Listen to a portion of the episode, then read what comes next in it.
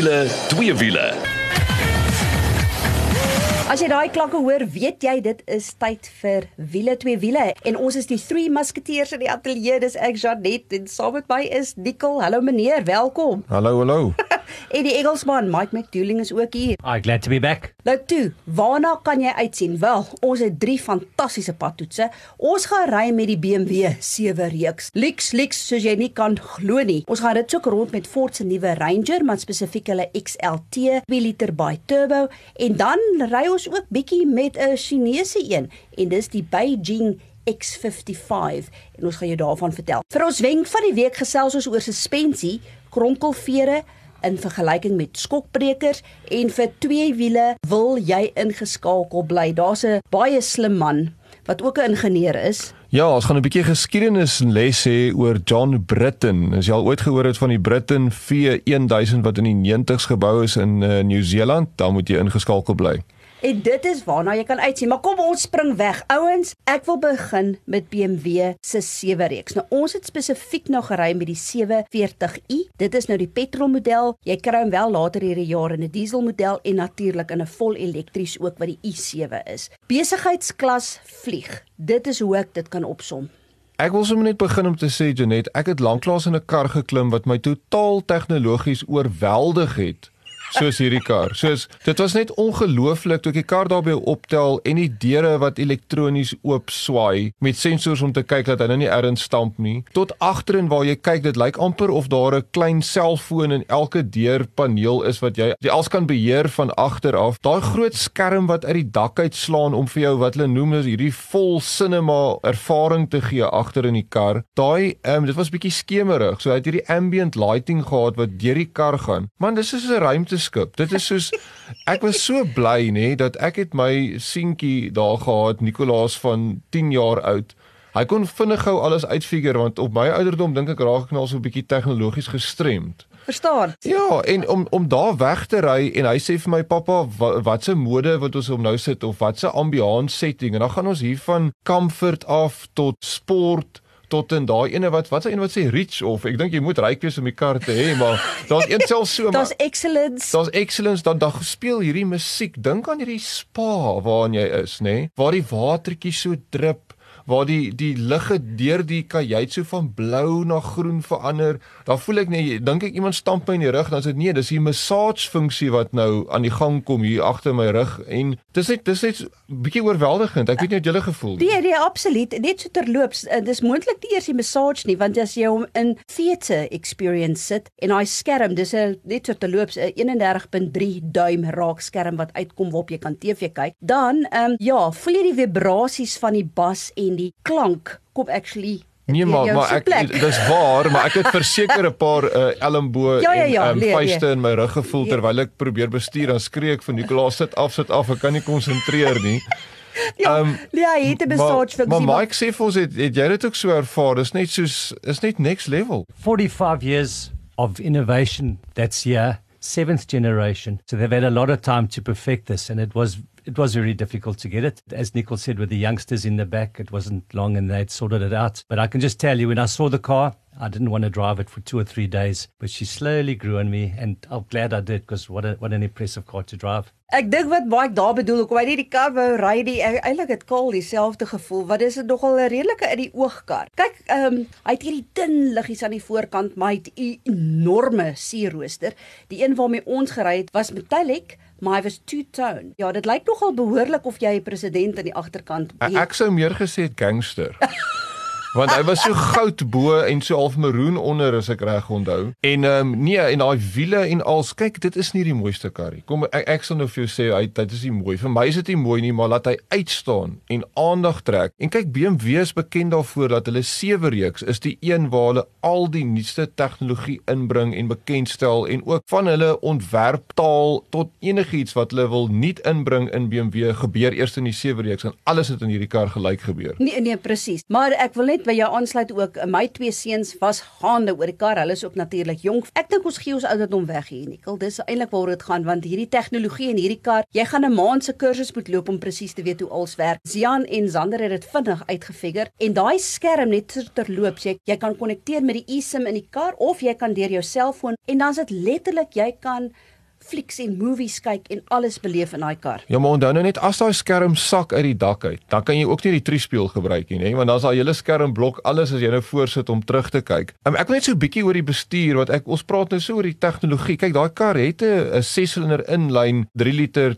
uh, turbo masjien in van 280 kW, 520 Newtonmeter en daai ding loop. Uh, maar dit gaan nie eintlik daaroor hy hy stuur is ook lig. Dis eintlik hierdie massiewe groot kar, maar as jy hom begin bestuur dan vloet eintlik hy amper om jou krimp. Dit is so maklik om te plaas, hy ry so gemaklik en ek wil vir jou sê in die wêreld waar alles na SUVs toe gaan.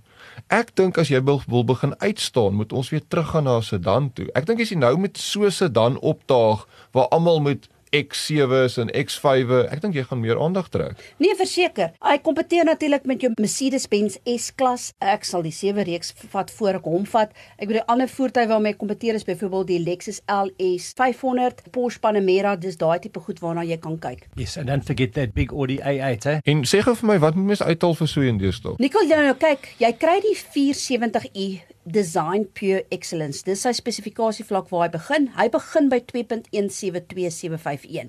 Maar nou is daar 'n klomp ekstras wat jy kan bysit wat onder andere praat van besigheidsklas vlieg. Die agterste sitplek, een van die agterste sitplek kan heeltemal soos 'n lazy boy amper uitslaan. Jy gaan natuurlik nou ekstra moet betaal daarvoor. Ja, maar wag nou net gou. Jy moet nou mooi verduidelik vir die mense daarso. Eerstens as jy daai knoppie druk om uit te slaan, dan daai sitplek wat voor links is by die passasier, gaan kruip daar onder die dashboard weg amper soos 'n hond wat geweet het hy't stout gewees. Dan kan hierdie sitplek nou vorentoe swaai en dan ek bedoel dit is ongelooflik. Jy kan nie in slaap daar agter of ek weet nie wat nie. O, jy kan, maar jy moet natuurlik 'n sjofeur hê. Ja, so die pryse hardloop al die pad van 2.1 miljoen tot en met omtrent so 2.3 miljoen en jy het nou nog klomp ekstras wat jy kan bysit ook en net so van sjofeur gepraat ehm um, elke keer as ek met die kar gery het het die seuns agter gaan sit. So ek het behoorlik gevoel ek moet vir my 'n uh, eh, snyerspakkie aantrek met 'n hoed of iets maar hoorie gaan loer bietjie op ons Facebook bladsy dan sien jy waaroor gaan ons aan. Dit is besigheidsklas ry in 'n kar en dit is BMW se 7 reeks en meer spesifiek die 740i waarmee ons rond absoluut gevaar het wil ek amper sê. Maar nou beweeg ons oor na 'n padtoets en dit is 'n bakkie en hulle maak nogal 'n redelike opslaap op die oomblik en dis natuurlik Ford se nuwe Ranger bakkie wat regtig indrukwekkend is. Nou ons het met die XLT model gery en dit is die 2 liter bi-turbo. Jy kry hom ook in 'n single turbo en natuurlik daai bioniese 3 liter V6 6 ook. Maar ja, kom ons gesels bietjie oor Ford se Ranger XLT. Bang for buck for me probably the best bucky on the market now that I enjoy. This is the middle the XLT is the middle the middle monarchy of of the range. Perfect price, perfect balance with all the tech that you can want. 10 inch screens, the 10 speed gearbox, they've really perfected that now. Ja, Mike, ek moet met jou saamstem. Ek het daai ehm um, natuurlik daai voertuig gery op die bekendstelling ook. En wat vir my opgeval het is dat daai 2 liter baie turbo met daai radkas, daai kalibrasie is net nou perfek. Ek ry nog 'n ouer generasie en dit voel baie keer of hy 10 spoed nie weet watter rad om te doen en so aan. Hierdie een is seepglad. Hy's lig op sy voete. Ek dink dit is soos jy sê, hierdie is miskien die sweet spot in die range want nie almal kan die wild tracks en al daai goeders bekostig wat hier naby 'n miljoen rand is nie. Hoeveel gaan mense vir reën betaal Janet want dis half 'n ideale familiebakkie. Nikkel, die ding is die Ford Ranger reeks begin nou by jou uh, basismodel of wat so wat hulle noem die base en dit is enigiets van 486000. Dit is nou jou jou double caps, jou double caps begin daar. Dan kry jy jou XL, dan kry jy jou XLT en dan die wild track. So as jy nou na die XLT toe gaan wat ons gery het, hier kyk jy na jou 4x4 wat jou 10 spoed outomaties is. Daar gaan jy moet uithaal 782100. As jy dan nou na die wild track gaan wat nou redelik uh, duur raak, en jy kyk byvoorbeeld na daai 3 liter V6 uh dubbel kajuit bakkie, dan haal jy uit 953500. Maar nou vergelyk mense dit nou weer met Hilux. Nou jy kan nie regtig die twee vergelyk nie want Hilux het nie 'n 3 liter um engine waar waarmee jy appels met appels kan vergelyk. Hilux begin as ek nou kyk na jou single cab, né? Dis nou nie double cab nie, begin by 364 en Hilux sal hardloop al die pad op na 973800. So ja, ek dink is maar 'n baie moeilike keuse wat mens daar maak. Al wat ek net kan sê is ek is verskriklik beïndruk met nommer 1 hoe die bakkie lyk. Like. Dis vir my die mooiste bakkie wat daar nou tans op die paaie is. Binneruim is regtig luks met sagte materiale. Daai instrumentepaneel en selfs die infotainmentstelsel is so maklik om te gebruik. Dis hierdie groot raakskerm wat vir jou loer. En die groot ding wat ook nou vir my uitstaan is al die veiligheidsaspekte wat jy standaard saam met jou dubbelkajuit bakkie kry. So ek dink wanneer jy in die mark is vir 'n bakkie, kyk, nou raak dit nou raak dit moeilik, want wat kies jy? Ja, ek wil amper my nek uitsteek en sê ek dink dit is die bakkie om nou te koop. Ehm um, ek hou baie van Hilux ook en ek weet van die betroubaarheid en al die goed, maar hierdie voel regtig soos 'n passasierskar vir die familie. En soos jy sê al daai tek, al daai goedjies, die ruimte in die binnekant die bakkie. Ek dink net hulle was baie slim om hierdie bakkie uit te bring vir 'n leisure bakkie vir 'n familie. Ek dink nie jy gaan hierdie ene in hierdie spesifikasie wat ons hom getoets het, um, regtig kan wen daar buite nie. Ek dink die enigste Hilux bakkie wat vir my nou eintlik half tans naby hom kom en ons het hom ook nou al getoets hier op wiele twee wiele en daaroor gesels nou so 'n paar weke terug, is die GR Sport. Hy, die afwerking in die GR Sport is natuurlik vir my fantasties. En ek bedoel vir hom haal jy uit so 918100 100. Presies, is net heeltemal te duur dan. Nee, Nicole, ek gaan nie met jou wen nie.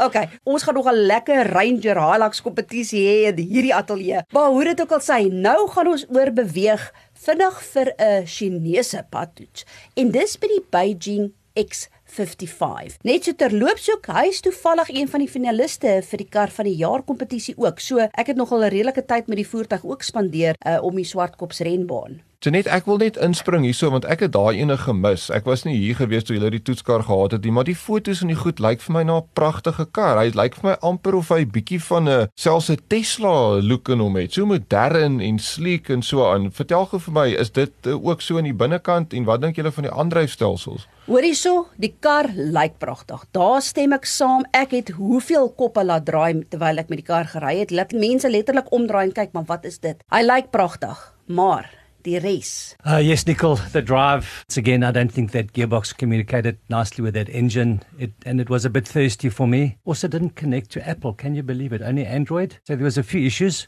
but very good looking car. That little 1.5 turbo, 130 kilowatts, 305 newts. It, it, it's okay. It's, but it, it didn't blow my mind at all. Dis my interessant dat die ehm um, voertuie van China af lyk like met baie daar 'n 1.5 turbo petrol viersilinder engine en almal lyk vir my so 'n bietjie swaar op uh, brandstof ook. En dan hierdie een het nogal 'n sewe spoed dubbelkoppelaar wat ek bedoel is 'n hoë tegnologie radkas, maar Mike het gesê die goed het nie lekker saamgewerk met mekaar nie. Ja, so fuel consumption uh, they claimed 7.7 but I drove as nicely as I could Nicole. I couldn't get better than 10. There was a bit of turbo lag there, so the, definitely the communication wasn't right between engine and gearbox again. Ja, ek dink ek stem 100% saam daar met Mike. Ek dink wat hulle reg doen is natuurlik prys, want ek bedoel as jy op die ou tyd nou kyk, as jy kyk na die premium model, dit is nou top of the range soos die Engelsman sal sê, gaan jy moet uithaal 454900. Nou, vergelyk dit nou met die kompetisie. Jou tipiese Volkswagen Tiguan gaan jy moet uithaal 590. Jou Kia Sportage wat ek natuurlik mal oor is, dit sal vir my keuse wees in hierdie hierdie segment, gaan jy moet uithaal amper 555000. Dan het jy nog jou Mazda CX-5 ook en jy het jou Wal H6. Nou goed, hy is die enigste een wat naby die prys kom van die Beijing en uh, hy is so 480 000. So oor die algemeen blyk goed, die binneruim afwerkings is goed. Ek hou nie van die infotainmentstelsel nie. Dit werk nie vir my lekker nie. Ehm um, daar's klomp goedjies wat my geïrriteer het soos ek was besig om pakkies uit te haal uit die kattebak uit en terwyl ek huis toe stap, ee, daar gaan die alarm aan. Klein goedjies soos byvoorbeeld jy kan nie die sleutel in die kar los nie want dan sluit hy sommer. Maar hulle probeer ook lyks lyk like met handvatsels wat so uitkom. So hy doen verseker wat hy moet doen, maar ek weet nog nie so lekker oor die ry genot nie. Ehm um, ek weet met die toetsings wat ons gedoen het om die baan ook uh, waar ons so slaan slalom beweging moes doen was daar nogal baie rolbeweging ook. Maar as jy kyk en na die prys, well, dan is dit miskien iets waarna jy moet kyk. I think Nicholas well, you know, in 5 years time we'll be able to really say if this is a good product or not, but there's no history behind them yet, so let's let's have a look and see. Gaan loer gerus op ons Facebook bladsy wiele twee wiele en dan sien jy ook hoe lyk like bike se Beijing X55. Ons gaan 'n bietjie asem skep, dan ons terug met 'n baie interessante wenk oor suspensie, spesifiek kronkelvere en dan skokbrekers, maar dan ook 'n geskiedenisles oor die Britain motorfiets wat uniek is en hy het so blou luislang van 'n uitlaatstelsel wat te pragtig is. Ons is nou weer terug. As jy 'n vlekvrye staal uitlaatstelsel soek of jy nou jou kar wil laat purr soos 'n klein katjie of laat blaf soos 'n Rottweiler, moet jy definitief 'n draai gaan maak by Powerflow Belwel. Hulle kyk na alles wat jy nodig het wanneer dit by jou uitlaatstelsel kom en jy kry boonop 'n 5 jaar waarborg ook. 'n Nuwe stelsel sal self vir jou beter werkvrugting gee. Besoek powerflowbelwel.co.za of Powerflow Exhaust Belwel op Facebook. Powerflow Belwel, jou nommer 1 vir vlekvrye staal uitlaatstelsels. As jy nou net ingeskakel het, dit is wiele, twee wiele. Dis ek Janet, saam met my is Nicole en dan is Mike ook hier saam met ons. Julle tyd vir hierdie 'n uh, eh, ingenieur hier langs my om sy wysheid met ons te deel oor suspensie, maar ons praat oor kronkelvere of dan vere, springs en dan ook skokbrekers en shocks. Dis reg, ja. Kom ons praat so 'n bietjie en ek so gou die Engelse terme anders weet niemand waaroor ons praat nie. Coil springs en shocks of dan nou dempers. So ja, eerstens wil ek sommer vir julle vra, hoekom dink julle het 'n mens springs nodig en hoekom het 'n mens dempers nodig? Kan mens nie net een of die ander gebruik nie? Mike I've always thought about that. I've seen buckies with, with as big long springs on, and I've seen ones with coils on, and ones with shock absorbers on. I've never fully understood exactly what it's about. Okay, so kom ons begin met die spring want dit is makliker om te verstaan. Ehm um, as jy kyk na 'n spring uit 'n ingenieursoogpunt uit, dit hang af natuurlik hoeveel kronkels hy het, hoe dik daai springsteel draad is, ehm um, daai tipe van ding, die lengte en dan as jy kyk na 'n spring as hy nou net daar op die grond lê, dan dan gee hy geen kragte op hom nie. Maar as jy hom begin druk, die afstand wat jy hom druk, dan kan jy dit maal met die spring konstante wat in ingenieursterme K is en dan raak die krag al hoe meer. So om net vir jou vir gewone mense te verduidelik, hoe meer jy hom druk, hoe harder moet jy druk. Dit is 'n spring werk, nê? En as jy springs in die kar het, dis natuurlik ook om jou ryhoogte te bepaal want hy moet die gewig van die kar kan vat op die suspensie. Nou natuurlik wil jy hê die bande of die wiele moet dan nou op en af beweeg as jy soos oor 'n wobbles en so aan gaan en dis wat die spring vir jou toelaat want hy laat die wiel dan beweeg teenoor die bak van die kar. Maar nou wil ek vir julle vra, as jy nie 'n demper in het saam met die spring nie, wat gaan nou met daai kar gebeur as jy oor hobbel ry, Mike? I think you're going to go bouncy bouncy bouncy. Exactly. Daai kar gaan net aanhou. Hulle praat van oscilleer of dan op en af gaan want niks gaan hom stop nie. As jy eers een keer begin het, dan gaan jy so in die pad afry en jy gaan amper soos 'n skip op die see net aanhou met daai bonsbeweging doen. Dis hoekom jy 'n demper moet hê want dis presies wat 'n demper is. 'n Demper demp die oscillasies. So as jy nou na 'n skokbreker kyk, nê, dis natuurlik mos nou iets wat gewoonlik maar met olie gevul is en hy het 'n klep in. As jy hom stadig indruk, dan kan jy hom maklik met die hand indruk druk tot heel onder en stadig uittrek. Maar hoe 'n demper werk is hoe vinniger jy hom begin druk, hoe meer weerstand gaan hy vir jou gee. Soos jy hom vinnig so die die die konstante wat ingenieursterme is C en dis maal met die spoed van beweging, nie die afstand nie, dit gaan oor die spoed. Soos jy 'n demper baie vinnig wil druk, dan gaan hy vir jou sê nee nee nee, jy gaan my nie nou druk nie, ek gaan jou weerstand gee. As jy hom stadig druk, dan gaan hy. So wat baie interessant is as jy nou saam met 'n spring in die kar het en jy gaan oor daai selfe hobbel na kar wou nou so aanhou osilleer het, dan sê daai demper vir hom nee nee nee nee, jy gaan nou ophou osilleer want ek gaan daai energie van daai osillasie gaan ek gebruik om nou die olie deur daai klein orifice in die demper te gaan en dan natuurlik daai energie gaan verlore en dan stop die kar basies. So jy gaan oor die oor die hobbel en ewe skielik dan stop daai kar net en hy gaan weer reguit aan. So jy het daai kombinasie nodig van 'n demper en 'n spring. As jy 'n kar gehad het wat net dempers gehad het, sou natuurlik gesak het tot op die grond nommer 1 want jy het die spring nodig om die gewig te vat en jy sal glad nie so kon gery het nie. So dis baie interessant dat jy 'n spring en 'n demper in 'n kombinasie nodig het om 'n suspensie van 'n kar te laat werk. Can I just ask one more thing, Nicole? A leaf spring in English and a, and a coil spring? Ja, dis altyd doen dieselfde doel. Ehm um, maar natuurlik die leafspring is beter om gewig te dra. Dis hoekom jy dit kry agterkant van bakkies. Dan kry jy nog air springs ook waar die coil spring weg is. Dis actually 'n lugsak wat hulle gebruik dan om daai spring weergawe vir jou te gee. So daar's baie maniere om dit te doen, maar essensieel doen dit dieselfde doel. Kyk, ek moet nou eerlik wees, ek voel amper of ek in daai BMW 7 reeks nou sit met hierdie inligting, hoor. maar dit is verskriklik interessant. Nou wil ek oor beweeg na 'n ingenieur wat van Nieu-Seeland afkom. En sy naam is John Britton. Wat beteken ons gaan twee wiele gesels want ons gaan gesels oor die Britton. En ek wil begin Nicole en vir jou vra. Meneer, jy wat 'n ingenieur is, gaan jy ook 'n motorfiets bou? Ek wens ek kon, maar ek dink nie ek het talente van hierdie ou nie. dit ek moet vir julle sê, ek dink julle moet sommer nou op julle fone spring, dan begin julle um Google gou daar Britain V1000. Kyk net na daai motorfiets. Dit is in die 90s gebou, nê? Nee? 1991 het dit begin. John Britain kom van Nieu-Seeland af. Daai ou het talente. Ag man, hy het alles gebou van jongs af go-karts. Hy het sy eie, eie huis gebou. Toe besluit hy nee, maar hy gaan sy eie motorfiets bou. Nou, dis nie nie van ek koop 'n motorfiets en ek modifiseer hom nie. Dis van ek ontwerk hom van eerste beginsels af. Ek bou hierdie motorfiets in my huis. Ek gebruik my vrou se pottery oond om die engine se heat treatment op die blok en alles te doen. Daar's 'n um, ek gaan daai link, ons moet daai link op Facebook sit net dat jy kan gaan kyk na die dokumentêr. Dan hardloop hy buite om swembadwater te gaan haal om die engine af te koel wat uit die pottery oond uitkom, nê. Nee? Nou dink jy ag nee, wat hierdie ding sou mos nou nooit kon werk nie. Hierdie motorfiets het deelgeneem aan die Battle of the Twins wat soos op daai toune is. Hy het op Isle of Man gery. Hy het daai jaar op Isle of Man die hoogste topspoed gehaal van 303 km/h. Hy het hoeveel wedrenne gewen reg oor die wêreld in daai Battle of Twins. Mike, ek kry hoendervleis. Hierdie ou is so inspirerend oor hierdie motorfiets. Just I tell you, um, just once again, Jeanette, if you can dream it, you can achieve it. Eh? But I must just take my hat off to his wife as well. Eh?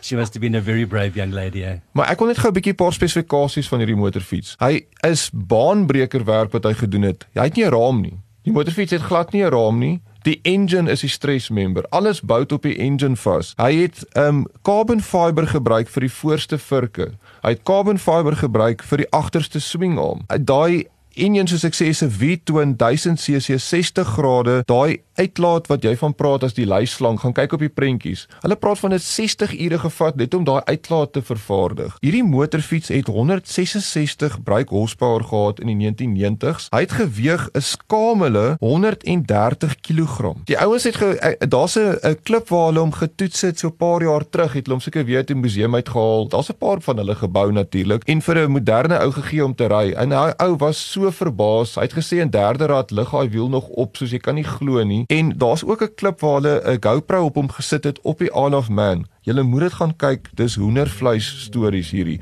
En moenie dink die wiele in goed gekoop nie. Die carbon fiber rims het hy self gemaak. Ehm um, in sy eerste wedren wat hy gery het, was hy fiets het agterweg gespring, gejaag tot voor toe breek hy. Weet jy wat dit gebreek? Nee, vertel. Iets wat hy nie gemaak het nie. Is 'n elektriese rectifier uit vuur verloor en dit hy het gesê hy na die tyd het hy John nog gespot. Hy gesê hy gaan nou begin elektriese komponente ook maak want lyk my die goed wat hy nie maak nie, dis wat breek. Wat vir my so ongelooflik is van hierdie insetsels wat ek gekyk het, is al die kampioenskappe en wedrenne wat hierdie motorfiets wat self gebou is, gewen het. Dis ongelooflik, Nicole. Ja, nee, ek kan my hande net saamslaan en um, ek vir jou sê soos jy sê, as jy dit kan droom, kan jy dit doen. Um, ons is ook talentvol. Ek wens ons het 'n Suid-Afrikaanse motorfiets ek is jaloers dat New Zealand hulle eie ingebou. Ek dink ons moet Verstaan? ons moet met iemand hallo. gaan praat, ja. Ek het mos nou net gesê jy is geleer toe en jy's mos so mal oor jou twee wiele. Hoorie, ek wil net sê as jy nou net ingeskakel het en jy dink waaroor gaan ons so aan? Doen jouself 'n guns en gaan gou op Google en gaan sit Britain V 1000. En wat ek ook kan doen is geloer eintlik net na ons Facebook bladsy wiele twee wiele ook want ons gaan vir jou skakel daar sit van die dokumentêr. Dis 'n motorfiets wat gebou is deur John Britton van Nieu-Seeland. Hy het self hierdie motorfiets gebou. Dit is vir my so interessant ook toe ek nou kyk na die dokumentêr. Hy het sy eie huis gebou, sy eie fitting, sy ligte, al die goed het hy self ontwerp. En dis hoekom hy ook besluit het hy gaan hierdie motorfiets doen. Maar wie ek wil afsluit en vir julle sê wat vir my absoluut uitgestaan is is iemand wat vir hom op die ou tenne vra, "Why would you make life so difficult by building this bike?" En John Britton se woorde was: The more difficult it is to do, the bigger the satisfaction when you get a good result. En is dit nie maar baie dinge van die lewe nie. Soms gaan ons deur moeilike tye en is moeilik, maar as jy dit reg kry, joh man, dan voel jy mos, dan voel jy soos die kat se snor. ja, of pure perd of een van daai sê goeters nê. Nee perd. Daar's sy man. En vir die Engelsman, wat sal die Engelsman sê? Yo, this one will make you feel like a million bucks, that's for sure. Dit is wat twee wiele betref vir die week. Baie dankie dat jy saam met ons ingeskakel het. Gaan loer bietjie op ons Facebook bladsy as jy enigiets gemis het. Daar's ook 'n luisterskakel daar waar jy ook na die hele program kan luister. En dit is al vir hierdie week se wiele twee wiele program. Maar tot volgende week toe. Hou daai wiele aan die rol.